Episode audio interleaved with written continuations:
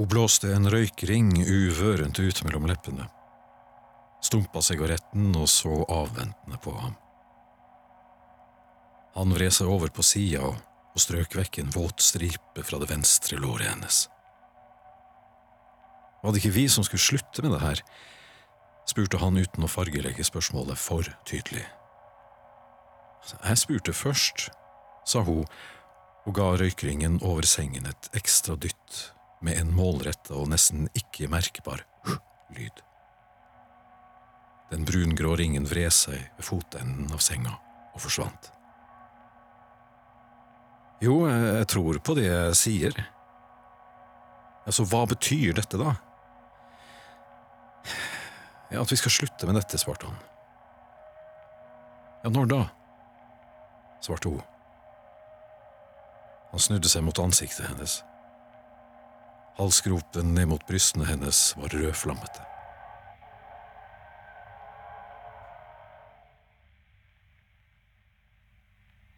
En gardinflik i det åpne vinduet satte seg fast mot en spiker i karmen. Han tenkte at gardinen kom til å revne dersom det kom et skjødesløst vindkast. Ja, når, når som helst, svarte han. Vi må slutte når som helst. Hun vred seg rundt på magen i sengen, heiste seg opp og la beina kontant over midjen hans. Jeg har aldri hata deg så mye som nå, sa hun, grep kjønnet hans og lot det skli dypt opp og framover i seg.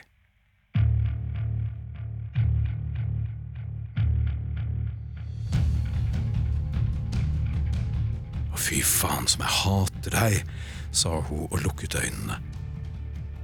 Han kjente fuktigheten hennes renne glatt ned langs skaftet hver gang hun løfta hoftene og senka seg ned igjen.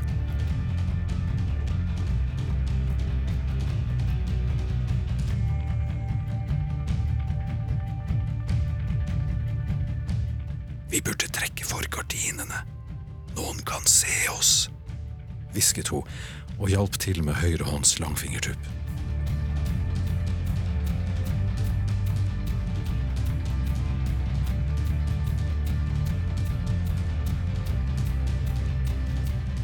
Han kjente at han allerede var i ferd med å komme.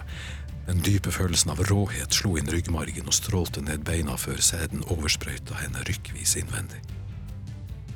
Hun la hånden over munnen hans og dempet skrikene hans, mens han sjøl kom på sin karakteristiske måte med underleppa vendt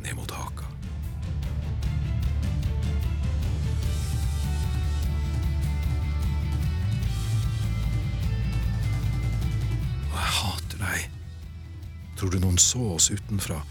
sa hun mens ettertrekningene grep rundt ham innvendig. Ja, det det tror jeg, sa han. Hvem da? Jeg, svarte han. Jeg så oss utenfra.